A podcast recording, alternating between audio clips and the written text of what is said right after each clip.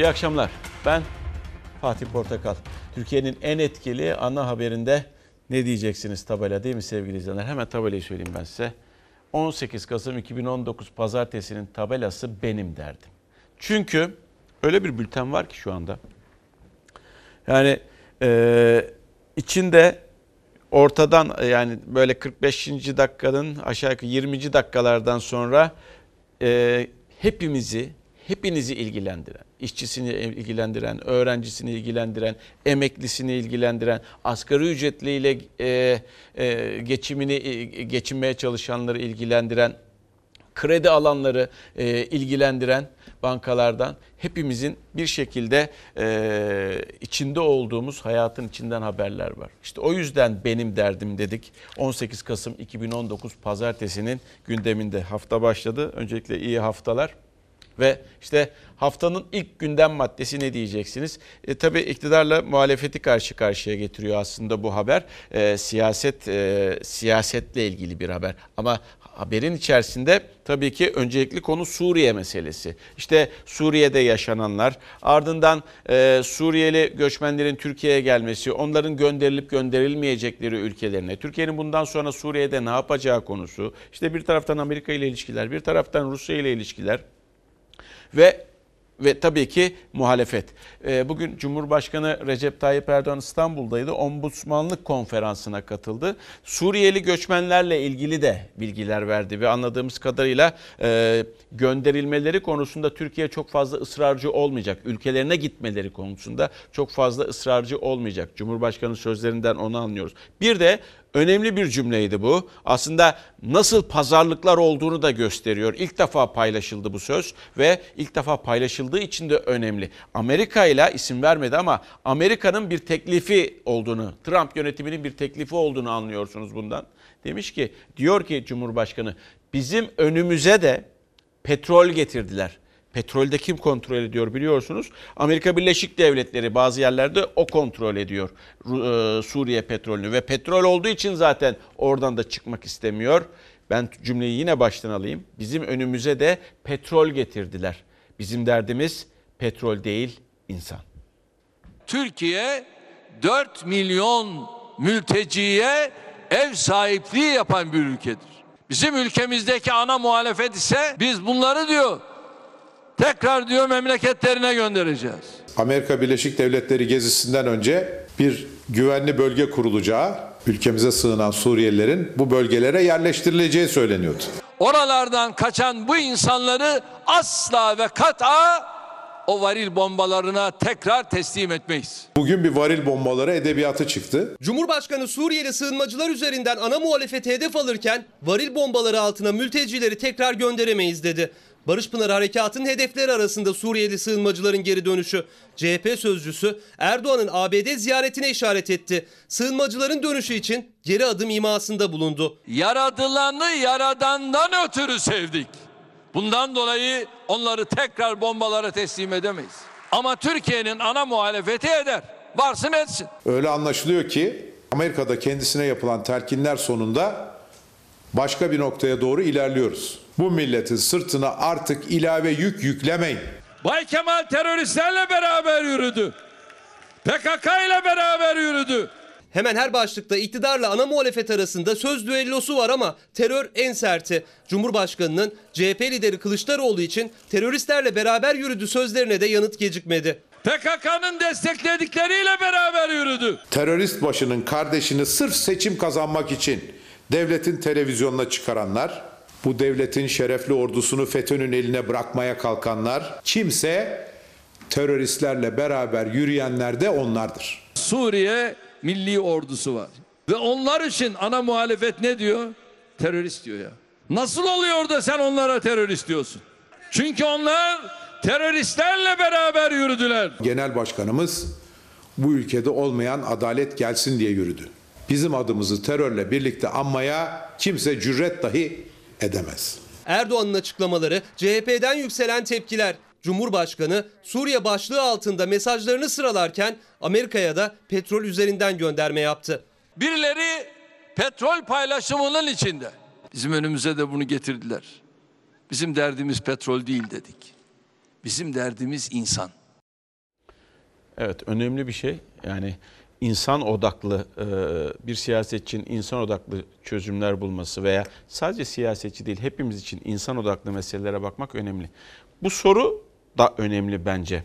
Suriyeliler ülkelerine gitmeyecekler mi? Çünkü benim ülkemde de bundan rahatsızlık duyan e, kesimler var. Çünkü Türkiye'ye evet geldiler ama kampların dışında kontrolsüz bir şekilde şehirlere geldi bu insanlar. Kendi ülkelerinden gitmek zorunda kaldılar. Kendi ülkelerinden ayrılmak zorunda kaldılar. Ha kimisi ülkesini savunmak istemedi. Bakın bu da bir gerçek. Kimisi ülkesini savunmak istemedi ve Türkiye'ye sığındı. Ha bu da ayrı tartışılacak bir konu. Ama daha 3 gün öncesine kadar e, seçim öncesinde e, muhalefetin dediği doğru onları ülkelerine yerleştireceğiz. En normali de zaten budur. Çünkü onlar bizim vatandaşımız değil. Onlar Suriye devletinin yurttaşı. Suriye devletinin yurttaşı ve kendi toprakları, evleri var onların orada. Bizim ülkemizde yabancılar ve o savaş ortamı içinde buradalardı. Türkiye'nin en kısa zamanda, Türkiye'nin en kısa zamanda garantör devletler var. Amerika var, e, Rusya var, İran var vesaire biz varız. Bunu, bu insanların kendi ülkelerine gönderilmeleri gerekir. Neden? Çünkü onların vatanı orası. Onların vatanı orası olduğu için orada yaşamak zorundalar. Tabii Cumhurbaşkanı'nın e, bizlere de sorması gerekiyor. Yurttaşlarına da sorması gerekiyor. Peki sizler ne düşünüyorsunuz bu konuda diye sorması gerekiyor. Bu sadece Cumhurbaşkanı'nın verebileceği bir karar değil. Bir telkin olabilir mi e, Amerika Birleşik Devletleri'nde bilmiyorum. Ama ondan Amerika'ya gitmeden önceki düşünceleri TOKİ'ye hazırlatılmıştı biliyorsunuz o yerleşim yerleri vesaire. Sanki TOKİ'ye yaptıracaklar da Esad yönetimi e, bizimkiler de böyle TOKİ'ye çizdirmişlerdi. Burada yaşayacaklar, şöyle yaşayacaklar, böyle yaşayacaklar diye. Ancak şu anda e, Cumhurbaşkanı'ndaki bu dönüş ibareleri diyeyim, dönüş demeyeyim. Dönüş e, ibareleri e, sanki bir telkinin Amerika'da, Washington'da olabileceğini gösterir gibi bundan sonraki açıklamalara bakmak gerekiyor. Geldik. Ee, bu çok enteresan bir haber. Bunu lütfen dikkatle izleyiniz. Kimseye güvenmeyeceksiniz. Ne Amerika'sına güveneceksiniz, ne İran'ına güveneceksiniz, ne Rusya'sına güveneceksiniz. Şimdi Amerika Birleşik Devletleri'nden ihanetin görüntüleri çok geldi. Yani e, Amerikalı subayların, Amerikalı sivillerin YPG'lilerle terör örgütlerinin mensuplarıyla bir araya geldiğini biliyorsunuz. Onlar ihanetin görüntüleriydi, ihanetin vesaire fotoğraflarıydı.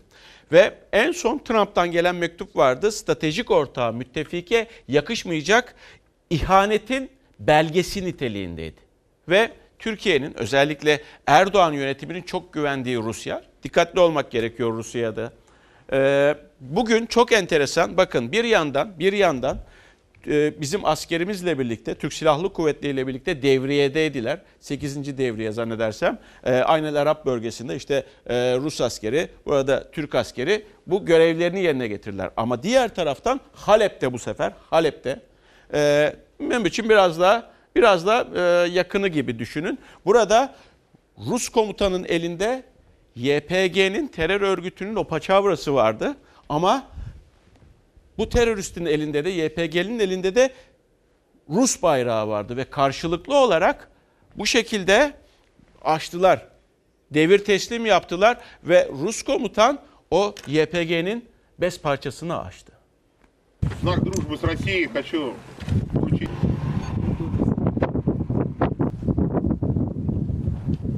Rusya Türkiye ile 8. kez ortak devriye yaptı. Aynı saatlerde Rus komutan terör örgütü YPG PKK ile Fırat Nehri üzerindeki üste görülmemiş bir ikiyüzlülüğe imza attı. Bu yanlış bir harekettir. Rus askeri polisiyle Türk Silahlı Kuvvetleri kararlaştırıldığı gibi ortak devreye çıktı. 8 kara aracı ve İHA'larla Aynel Arap bölgesinde 10 kilometre derinlikte ve 34 kilometre uzunluğundaki güzergahta yapılan devriye iki ülke güçleri tarafından sorunsuz tamamlandı.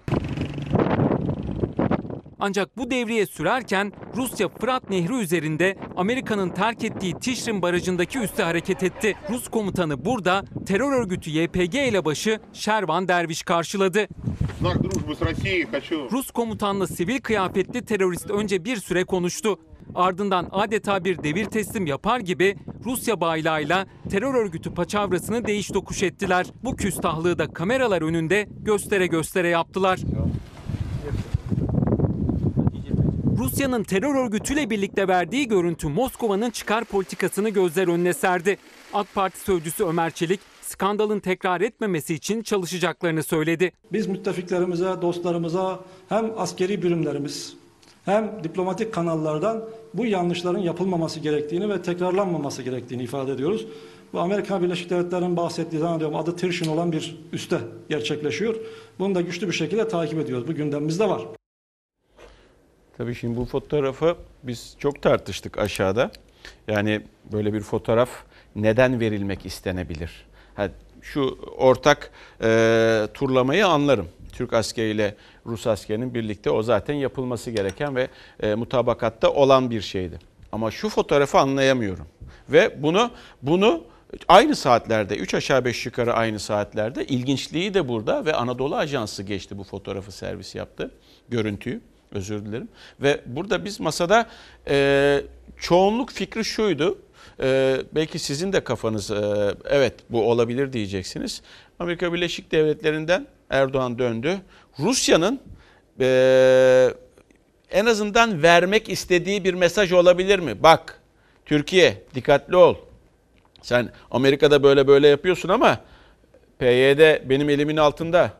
Ben istersem ona her şeyi yaptırabilirim. Sadece beyin fırtınası bu. Bu fotoğrafı vermesindeki gaye ne olabilirdi? Eğer sen Türkiye ile birlikte hareket ediyorsan zaten böyle bir fotoğraf vermemelisin.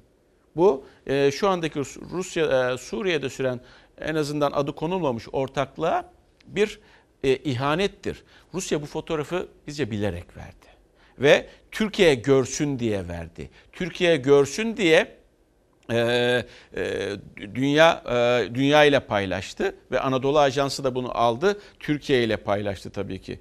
Ve işte burada Rusya'nın da çok bugünlerde çok kullanıyorum bu lafı. Canınız sıkılmış olabilir bu laftan ama yani aba altından sopa gösterme gibi bir tutumu.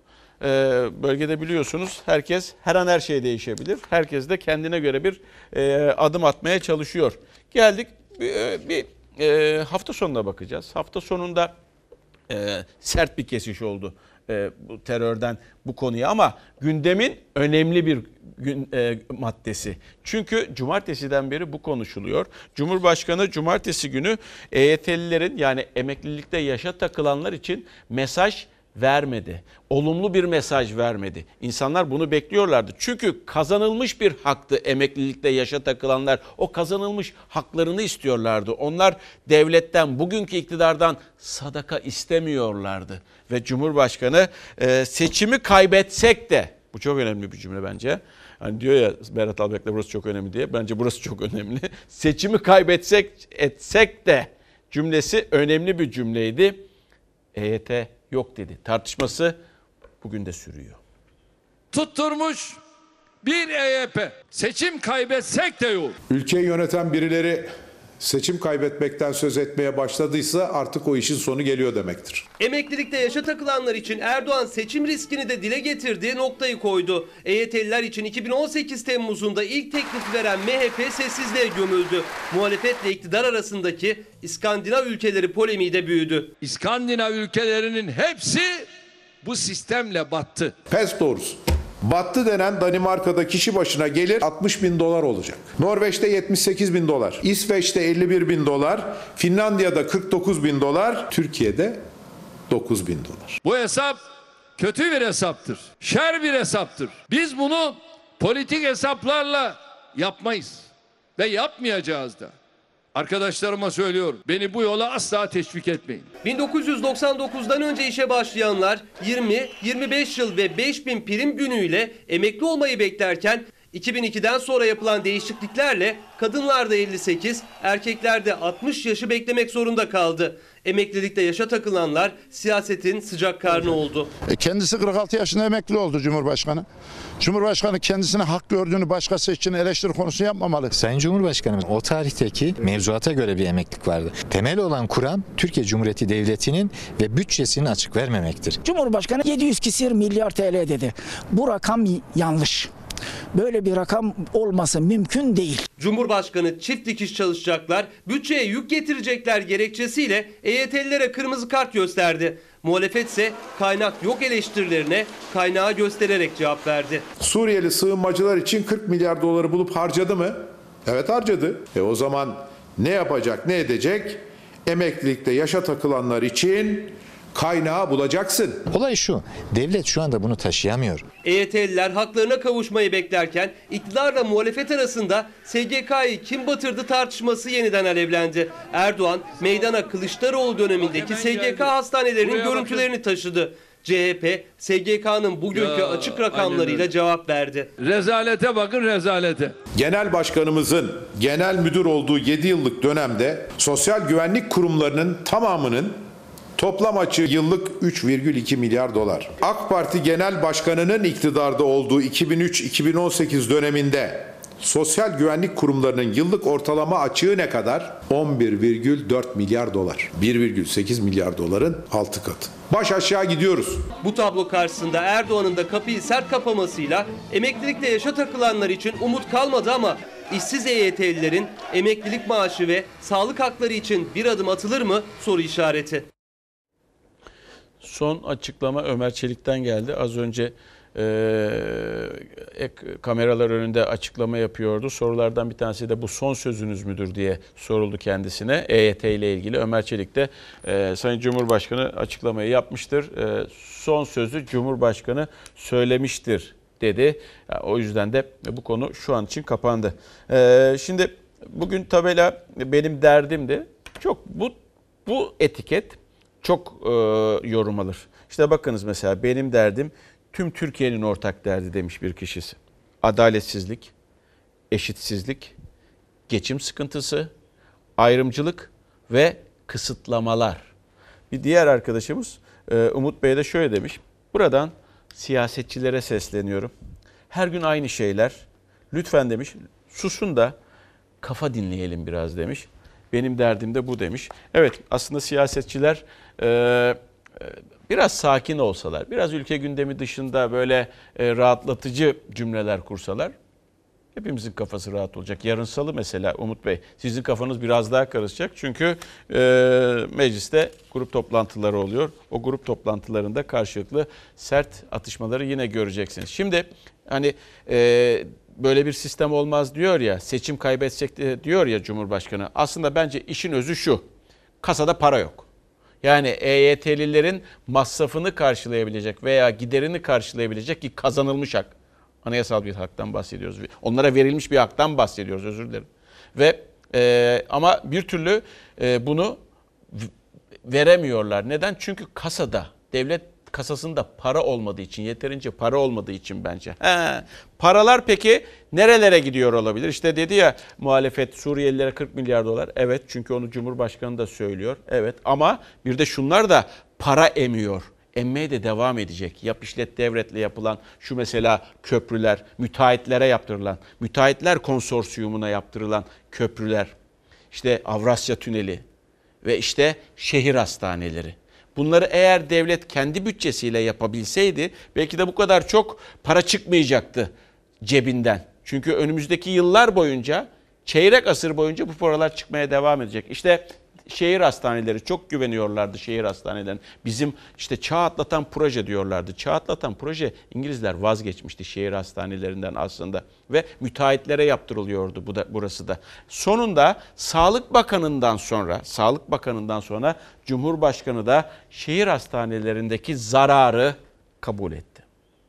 Siz bu işi bilmezsiniz diyorlardı. E peki şimdi ne oldu? Biz haklı çıktık. Memnun muyuz?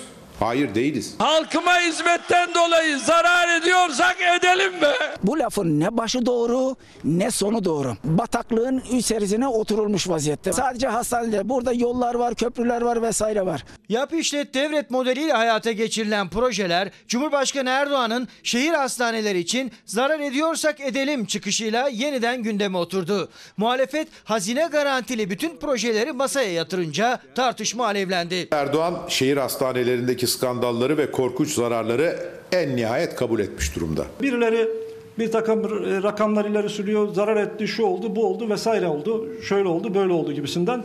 Bu buna karşı söylenmiş bir tezdir. Atadığı Sağlık Bakanı itirafçı oldu. Bu zarar millete hizmet için değil, yandaşa peşkeşten ortaya çıkıyor. kamu özel işbirliğiyle tecrübeye de sahip olduk. Bu dönemde de şehir hastanelerini artık bu tecrübeyle birlikte kendi imkanlarımızla yapmayı planladık.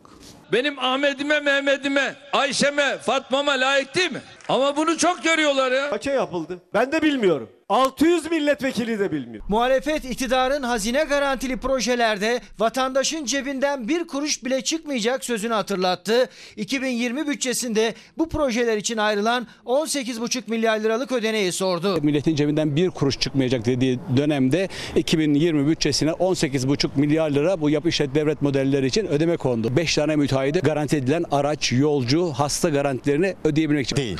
Bakın şunu söyleyeyim ben o tartışmaya girmeyeyim. Temel olan şey şu Türkiye Cumhuriyeti Devleti'ne hizmet etmek. 18,5 milyar lira. Bunun 10.5 milyarı şehir hastaneleri için e, 8.3 milyarı da yap işlet devlet modeli, tünel, e, köprü ve e, ha- havaalanı yok henüz. Havaalanı henüz yok. O ayrı bir muamma. Biz belli sektörlerde zarar etsek bile milletimize hizmet etme yolunu güdeceğiz. Bunun başka bir yolu yok. İktidar vatandaşa hizmet vurgusuyla zarar olabilir dedi. Muhalefet ise bütçe ve maliyet rakamlarıyla projeleri yapan şirketlere verilen garantiler yüzünden zarar edildiğini savundu. Halkıma hizmetten dolayı zarar ediyorsak edelim be. Vatandaşa hizmet etmek istiyorsanız bakın bir şey söyleyeceğim. 2020'deki 18 milyarı alırsak 3 milyar dolar yapar gibi bir Yavuz Sultan Selim Köprüsü yapabilirsiniz bir yılda. Ya da 2 tane 3 tane Osman Gazi Köprüsü yapabilirsiniz. 3 tane Avrasya Tüneli yapabilirsiniz. 10 tane şehir hastanesi yapabilirsiniz. Görüyorsunuz değil mi paralar nasıl nerelere gidiyor? Nasıl müteahhitlere gidiyor? Bunun hesabını devletin veya AKP iktidarının yapmadığını mı düşünüyorsunuz? Ya bunu eleştirince de eleştirildi oluyor. Eleştireceğiz tabii ki. Para bizim paramız. Kimsenin parası değil. Bizim paramız. Sayın Cumhurbaşkanı diyor ki halkımın halkıma hizmetten dolayı zarar ediyorsa etsin. E tamam da iyi yönetin parayı. Para Erdoğan'ın parası değil. Para bizim paramız. Bizim vergilerimiz. Hepimizin içinde o vergin içerisinde payı var. Kimse cebinden onları karşılamıyor. Halkım ne diyor? Halkım hizmetlerden dolayı e, mağdur edilmeyecekse, edilecekse zarar edersem ederim diyor. Ya iyi de ya bunu daha az cebimizden para çıkacaksa, vergilerimizi daha iyi değerlendirecekse neden yapmıyorsunuz ki? Neden müteahhitleri zengin edelim yani? Neden bir başkalarını zengin edelim? Benim devletim yapsın bunu yapabiliyorsa eğer. Para hepimizin parası. Kimse cebinden koyup da aslında yapmıyor. Olaya lütfen biraz da bu gözle bakınız. Şimdi e, tabii bu şekilde böyle böyle yatırımlara böyle böyle müteahhitler zengin edilirken devletin cebinden 20 yıl 25 yıl boyunca paralar çıkacakken bir de biz kendi e, piyasamıza bakacağız. Serbest piyasaya, sokağa bakacağız. Çünkü bir ay aşağı yukarı bir ay değil 15 gün sonra e, asgari ücret komisyonu, tespit komisyonu toplanacak. Masa kurulacak. İşveren, işçi sendikaları, e, ne bileyim hükümet temsilcileri bulunacak ve asgari ücret önümüzdeki yıl belli olacak. Kaç para olacağı. Ha, şimdiden biz bunu tartışalım dedik. Çünkü hayat pahalı. İnsanlara o para yetmiyor. Asgari ücret yetmiyor. Ve asgari ücret sizce şu hayat bağlığında bırakın enflasyonu. Hani TÜİK'in açıkladığı onu bırakın 8.55 siz bırakabilirsiniz onu bir kenara. Siz kendi sokakta neler yaşıyorsunuz? Sizin kendi e, enflasyonunuz ne? Onu düşününüz. Ve şu sorunun cevabını bulmaya çalışınız kendi açınızdan. Asgari ücret 2020 yılında ne olmalı? büyümeden payını alan, enflasyon karşısında ezilmeyen, milli gelir artışından payını alan ve insanca yaşamaya yetecek, işçinin ailesiyle birlikte hayatını sürdürebileceği bir asgari ücret belirlenmelidir. Diskin asgari ücret için talebi bu. Asgari ücret tespit komisyonu 2020 yılı asgari ücretini belirlemek için Aralık ayının ilk haftası çalışmaya başlayacak. İşçi, işveren ve hükümet pazarlık masasına oturacak. Milyonlarca çalışanın gözü kulağı Aralık ayı sonunda o masadan çıkacak karara çevrildi. Geçtiğimiz yıl Ağustos ayı itibariyle Türkiye ekonomisi çok ciddi bir krize girdi. Ücretler reel olarak çok ciddi bir biçimde yönde geriledi. Çok ciddi bir yoksullaşma yaşıyoruz. Belirlenecek miktar sadece asgari ücretliyi değil kamu çalışanından emeklisine hatta işsizlik maaşı alanları da etkileyecek. Ve bu sayı artık milyonlarla ifade ediliyor. Oysa Avrupa Birliği ülkelerinde asgari ücretli çalışan oranı %10. Disk'in derlediği Sosyal Güvenlik Kurumu 2017 verilerine göre ücretli çalışanların %43'ü asgari ücretli. Bu da kayıtlı çalışanların neredeyse yarısına denk geliyor. Artık işe her başlayan neredeyse asgari ücret veya biraz üstü ya da altı ücretle başlıyor. Sendikalara göre de asıl sorun bu ve yine sendikaların araştırmasına göre asgari ücret açlık sınırının da altında. Asgari ücretin %16 ve %10 üstüyle birlikte düşündüğümüzde de neredeyse %70 oranına ulaşıyoruz. Asıl önemli olan ürettiğimiz toplam değerden, büyümeden payımızı alıp alamadığımız Tabloya bakıldığında asgari ücretli o büyümeden payını alamıyor. Çünkü son 20 yılda reel asgari ücret kişi başı reel milli gelir artışı karşısında %20 oranında geriledi. asgari ücret bugün açlık sınırının bile altına düşmüş durumda. Bırakın yoksulluk sınırını. Eğer yeni ekonomi programında olduğu gibi gerçekleşen değil, hedeflenen enflasyon yani %8,5 oranında zam alırsa asgari ücretli gerçek enflasyonun oldukça altında kalacak alacağı maaş. Üstelik gıda enflasyonu daha da yüksekken. Temel tüketim maddelerinin hepsine en az %30, %40, %50 zam yapıldığını görüyoruz. Gıda enflasyonu %30'larda en az. E, Elektriğe, suya, doğalgaza en az %40, %50 oranında zam geldi. Dolayısıyla %8'lik bir ücret artışı çok ciddi bir yoksullaşma anlamına gelir. Önümüzdeki ay bakalım. Ee, Daha doğrusu Aralık'ta açıklanacak. Kasım enflasyonu kaç çıkacak? Onu da çok merak ediyoruz. Ve yıllık enflasyon kaçta tamamlayacak? Ee, Önemli olan artık e, çünkü nasıl bir kalem işletildiğini 3 aşağı 5 yukarı bu haber bültenlerinde de anlatmaya çalışıyoruz. Yani TÜİK kendini savunma gereği bile duymuyor. Anlatabiliyor muyum? Ee, biz bu haberleri yapıyoruz. O hiç yani insan çıkar hayır biz öyle yapmıyoruz biz böyle yapıyoruz bakın şöyle şöyle diye kendini savunabilir. Onu da yapmıyor aslında. Ee, siz önemli olan kendi ekonominiz, kendi enflasyonunuz ve çok enteresandır. Eğer çevrenizde dikkat ediyorsanız asgari ücret artık normal ücret halini aldı. Yani bir iş başvurusunda gidildiğinde, çalışmak istendiğinde e, kişiler veya kurumlar veya patronlar direkt e, asgari ücretten başlatıyorlar. Yani üstünü vermek çok nadir, çok fazla görülen bir şey değil. Tabii genelleme yapmıyorum. Ama asgari ücreti normal ücret haline neredeyse işveren de algılamaya başladı. Sanki öyle oluyor gibi sokakla da veya sokakta insanlarla konuştuğunuzda. Bakın Serhat Bey diyor ki iş imkanı yaratmak zorundasınız gençlere veya işsiz olanlara. E, hükümet bunun farkında ama elden de çok fazla bir şey gelmiyor zannedersem. Ziraat mühendisi, benim derdim ziraat mühendisi olmak. 30 aydır Tarım ve Orman Bakanlığı bizi göz ardı etmektedir. Artık atanmak istiyoruz. 2018 KPSS puanlarımız 7 ay sonra yanacaktır. Lütfen sesimizi duyurun diyor. Duyan vardır, yoktur bilmiyorum. Ama en azından biz elçiyiz ve bu sesi de eee yankılatmaya veya e, duyurmaya çalışıyoruz. Asgari ücrette durum bu. Peki emeklide durum ne? Emekliye şöyle bir baktığımızda yine Cumhurbaşkanı'nın söylediği bir söz. Çok tartışılıyor Cumhurbaşkanı hafta sonu söylediği sözler her konuda. Mesela emekli maaşları ile ilgili. Emekli maaşları haya emekli maaşları hayat sürdürülebilecek seviyede. Yani aslında miktarın hepsi emekliler için uygun olduğunu anlatıyor. Anlattı ama ardından eleştiriler de geldi. Prim ödemesine ve yılına bakmaksızın hiçbir emekli maaşının bin liranın altında kalmamasını sağladık. Oturup ağlayasım geliyor derim. 1151 lira 60 kuruş maaş. Ya asgari ücretten aşağı maaş olmaz ya. Ne bin lirası ya? Dalga mı geçiyorsun şaka mı yapıyorsun? Perişan bir emeklinin durumu var. Ne olacak? Bak simitle öğlen yemeği yiyoruz. Cumhurbaşkanı Erdoğan 1000 lirayı sınır koydu ama emekli memnun değil. Emekli kendi rakamlarıyla yaşadığını anlattı. CHP'li Veli Ağbaba da Cumhurbaşkanı'nın sözlerine rakamlarla yanıt verdi. 847.643 kişi 1000 liranın altında maaş alıyor. 248.126 kişi 1000 lirayla 1100 lira arasında maaş alıyor. Şu cebimde şu, şu var başka da para yok ha. 45 lira kaldı. Bu da ancak ekmek parası. Ay 23'üne kadar yetmesi lazım. Ağbaba'nın rakamları bu kadarla da sınırlı değil. 220 bin 250 kişi 1100 ile 1200 lira arasında maaş alıyor. 6 milyon 850 bin 523 kişi ise 2000 liranın altında. Belki de en dikkat çeken rakam yaklaşık 8 milyon 166 bin 542 emekli asgari ücretin altında maaş alıyor. Sokağa çıksın.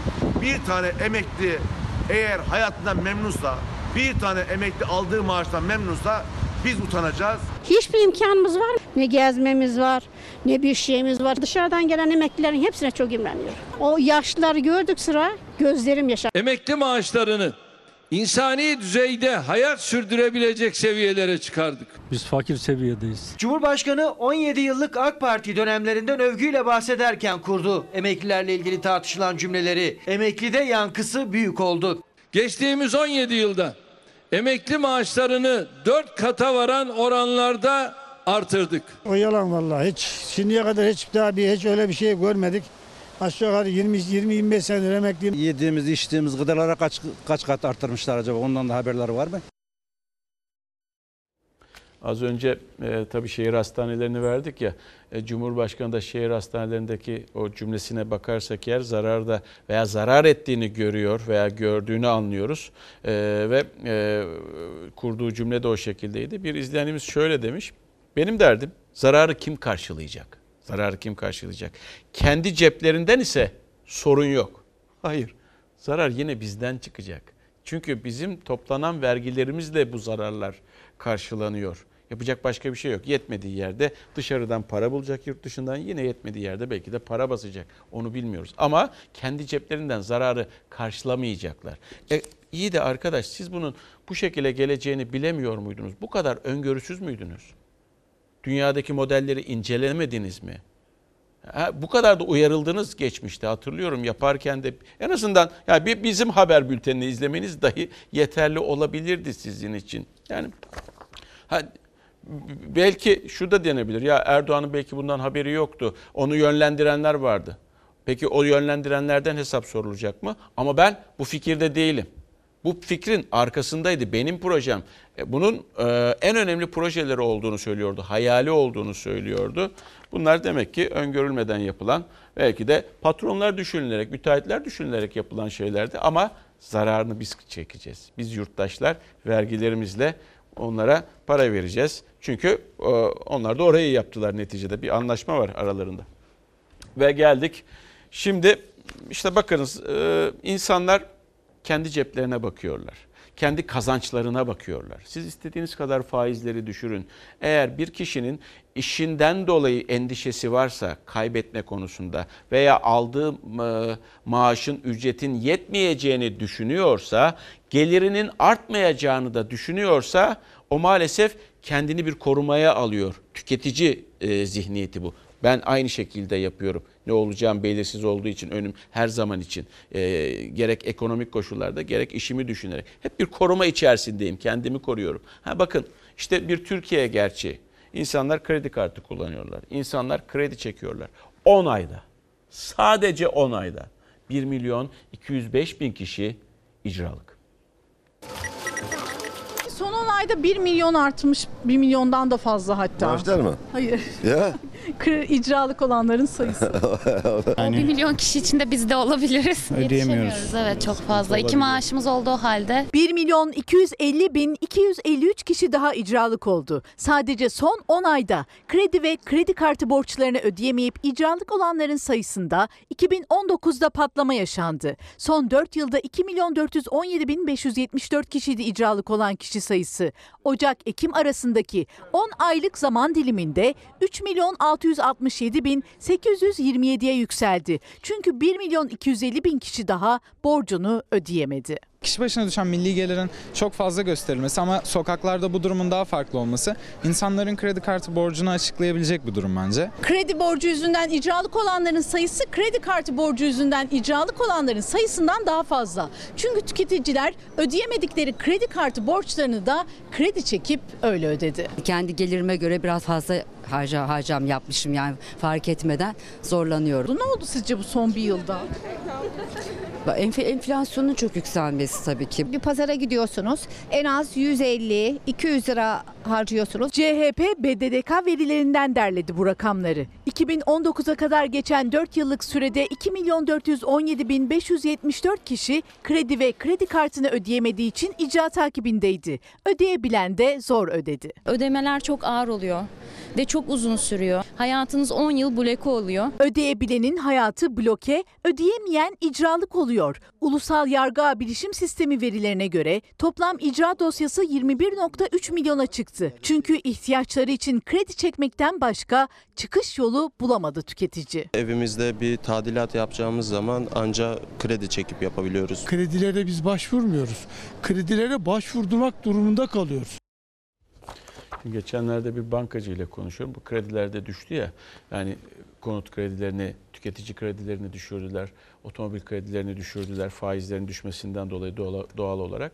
Onlar da para satmak istiyorlar. Ve e, onu sordum nasıl dedim yani konut kredileri vesaire. Vallahi dedi evet satıyoruz para konuta ama her 10 e, krediden 3'ü sadece konut almak için. 7'si e, yeniden yapılandırmaya giriyor. Bunu yani bir eskiden yüksek faizle borçlanmış. Şimdi faizler düştüğü için onu borçlandırıyor. Böyle bir işlem olduğunu söylüyor. İşte biraz e, verdiğimiz haberlerle biraz moralinizi bozduk ama moralinizi düzeltmek için Borsa İstanbul 20 ayın zirvesinde bugün. Diyeceksiniz ki çoğumuzun borsada parası yok. Bana ne diyeceksiniz? Ama olsun. Bu da önemli. Yani net yatırımcı da güven duyduğu için belki de geliyor. O para getiriyor şu an için.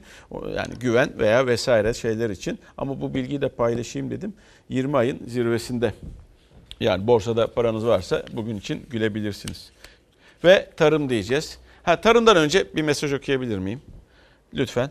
Ee, benim derdim halkıma hizmet diyorsak, ediyorsak edelim. Halkıma hizmet ediyorsak edelim dedi Cumhurbaşkanı. Hani öyle cümlesi vardı ya şehir hastaneleri için. Fakat EYT'ye gelince para yok diyor. Bir şekilde e, hükümetin EYT'liler sorunu da ama son noktayı da koydu çözmesi gerekir diye düşünüyorum. Belki de seçim yaklaştığında 2020 veya 2020 gibi 21 gibi seçim yaklaştığında da olabilir. Ha diyeceksiniz ki ya zamanda yapılmayacak mı seçimler? Ben zamanda yapılacaklarını yapacaklarını düşünmüyorum. Olacağını çok e, olacağına çok ihtimal vermiyorum. Bence iktidarın e, her ne kadar pembe tablo dizilse, e, çizilse de tarım politikalarını da gözden geçirmesi gerektiğini düşünüyorum. Tarım, ve hayvancılığı kastediyorum. Çok güzel bir şey yapıldı. 15 yıl aradan sonra yanlış olmasın ha şura toplandı. Tarım şurası. Yani tüm taraflar vardı. Tüm paydaşlar oradaydı. Bakanlık oradaydı, çiftçisi oradaydı, efendime söyleyeyim hayvancısı oradaydı, üreticisi, satıcısı vesaire. Sorunlar masaya yatırılıp tartışılacak. Ha içeride bakanı dinlediğinizde bakar anlatırken içeride pembe bir tablo çizildi tekrar. Ve hatta ve hatta şu cümleyi de aldım. Yerli tohum yaygınlaştırılacak. Yerli tohumu unutmuşuz biz. MP, şey ne denir? Tekellere vermişiz. Uluslararası tekeller, karteller e, tohum e, piyasasını ele geçirmiş. E, Sayın Bakan'ın bu sözü ilginçti. Yerli tohum yaygınlaşacak diye bu aşamadan sonra. Ha, içeride buydu. Dışarıda bu sefer çiftçiyi dinledik. Onların tablosu karaydı. 17 yılda verdiğimiz desteklerle tarımsal hasılamızı %486 arttırdık. 17 yıldır çiftçi geriye gitti. Çiftçi bir gelecek so- senenin umudunu yiyor. Artık gidiyor. Artık çiftçi komada. Son hamlemiz yok yani. Kendi deyimleriyle artık komada çiftçi. Son bir gayret üretimde kalmaya çalışıyorlar. Bunun için de tam 15 yıl sonra ilk kez toplanan Tarım Şurası'na seslerini duyurabilmek için geldiler. Çiftçiye azıcık mazlı düşürmeler lazım. Yatırım yapmayı bırak borcunu dahil ödeyemiyor. Un ve makarna ihracatında ülkemiz 2005 yılından beri dünyada ilk sırada yer alıyor. Mazot şimdi şu anda 6 6.65. Kuple 2,5 lira. Sattığımız buğday da 1,5 lira. Buğday kendini ödemiyor. 2004 yılından bu yana toplanamıyordu Tarım Şurası. Bu yıl tüm paydaşlarla yeniden bir araya gelindi. Bakan Pakdemirli ihracattan desteğe, istihdamdan üretime olumlu bir tablo çizdi tarımda. Ama şuraya katılan çiftçi bakanla aynı görüşte değildi. Hibe programları sayesinde 200 bin vatandaşımıza istihdam sağladık. Destek verdiği yeterli gelmiyor. Çünkü mazotların e, mazot çok yükseldi şu anda. Gayri safi milli hasıladaki payımız çok düştü. 10.58'den 5. dörde falan indik. 4 gün sürecek şura öncesi 81 ilden çiftçilerin istekleri dinlendi. İlk talep maliyetlerin düşürülmesiydi. Çünkü geçtiğimiz yıllar zarara uğrayan çiftçi çareyi küçülmekte buldu. Maliyeti kurtarabildiniz mi bu sene? Yok kurtaramadık. Aa, ne yaptık? Biz de küçüldük biraz. Öyle toparlamaya çalıştık. Seneye de biraz daha küçüleceğiz. Tarımsal ihracatımızı yaklaşık 5 kat arttırarak net ihracatçı bir ülke olduğumuzu bir defa daha ortaya koyduk. Nohut tam 7,5 lira. Biz verim elde edeceğiz diyoruz. Para kazanacağız diyoruz. Bir ithalata açılıyor düşüyor 2,5 liraya. İthalata son cephede savaşır gibi biz bu ithalatla savaşıp Türk çiftçimize sahip çıkılmasını istiyorum. Çiftçi endişeli kalıcı çözüm bekliyor. Şurada alınan kararları ve tarımda 5 yıl boyunca izlenecek yol haritasını ise 4 gün sonra Cumhurbaşkanı açıklayacak. Şimdi o, tabii o çiftçiler de içerideydi. İçeride bu sorunları ne kadar dile getirdiler bilmiyorum.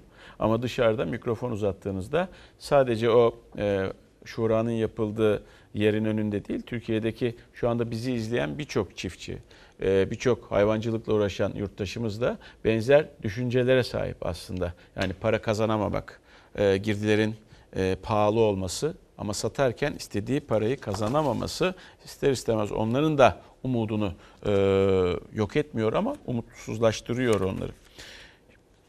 Gümüşhane'deki o dipsiz gölü biliyorsunuz. Dipsiz göl. Yani soru işareti. Buzul 12 bin yıllık bir buzul gölü olduğu söylendi. Daha sonra hayır dendi. Daha sonra yetkililer hakkında soruşturma başlatıldı. Ama işte buzul göl müydü yoksa başka bir orası su birikintisinin olduğu yer miydi bilinmiyordu. Define için suyu boşaltıldı. Ona birileri izin verdi ama hep bir muammaydı. Neydir bu buzul göl diye veya var mıdır böyle bir e, göl diye. Çevre Bakanı da işin içerisine girdi.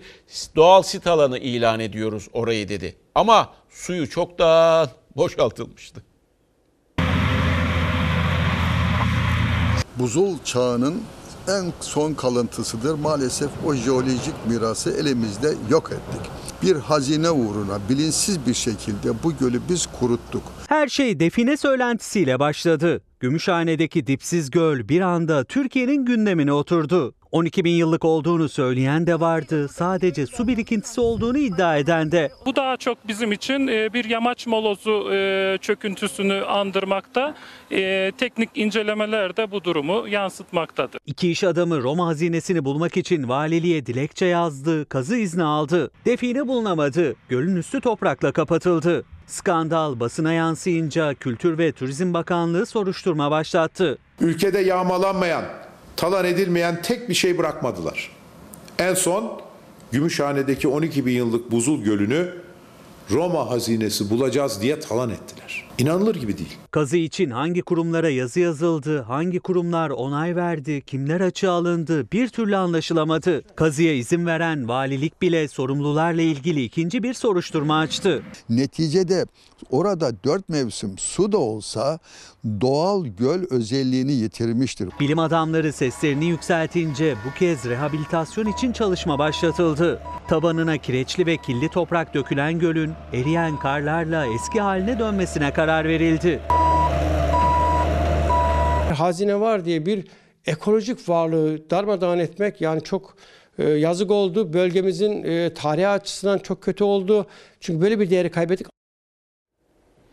Ve söze gerek bırakmayan bir haber. İnsanlar dünya hayatında melek görebilirler. Ama ölüm anında herkesin göreceği tek melek var. Onu görüyorum. Bir yıldız geçti bu dünyadan veda etse bile sönmeyecek bir yıldız. Işığıyla birçok ışık yakan, ünlü isimleri yetiştiren hem sanatçı hem öğretmen Yıldız Kenter 91 yaşında hayata gözlerini yumdu. Çevremde el uzatabileceğim o kadar çok insan var ki onlara uzanmaya çalıştım gücüm yettiğince. İzleyiciyi etkisi altına alan dev oyuncu Yıldız Kenter bir süredir solunum yetmezliği tedavisi görüyordu. Evinde çalışanlarıyla çektirdiği bu son fotoğrafta da Canikom dediği öğrencilerinin evine yaptığı doğum günü sürprizinde de tebessümü son ana kadar eksik etmedi. Oyuncunun ne olduğu üzerinde Durduk. 1928 yılında İstanbul'da dünyaya gelen Ayşe Yıldız Kenter 72 yıllık sanat hayatının 37 yılını öğrencileri için harcadı. Sayısız sanat ödülüne layık görüldü. 1962 yılında yılın kadını seçildi. Mesleğinizi bırakmayı düşünüyor musunuz? Hayır, hayır hiç düşünmüyorum. 1 milyon lira verseler size onu nerelere harcardınız? Ay hemen borçlarımı öderdim. Güçlüklerle kurdu Kenter tiyatrosunu. Onun gibi dev bir isim olan kardeşi Müşfik Kenter'le yüzün üzerinde oyun sahnelediler. Yıllar geçtikçe tiyatro salonunu doldurmak zorlaşıyordu. Sahne amirinin salon dolu sesi Kenterlerin artık en büyük mutluluğu oluyordu. Müşfik görüyordum. Emrullah'ın ağzından ben de ona sesleniyorum şimdi. Salon full dolu efendim. Hocaların hocası Yıldız Kenter de bu sahneden alkışlarla uğurlanacak. Aşiyan mezarlığına kardeşi Müşfik Kenter'in yanına defnedilecek. Huzur doluyor içime. Öyle bir huzur ki. Allah rahmet eylesin. Reklam. Kapatıyoruz sevgili izleyenler. Bizden hemen sonra yeni bölümüyle Yasak Elma dizisi ekranlara gelecek. İzleyebilirsiniz. Yarın daha mutlu, daha huzurlu, daha güvenli bir dünya ve tabii ki Türkiye'de buluşmak umuduyla. Hoşçakalın.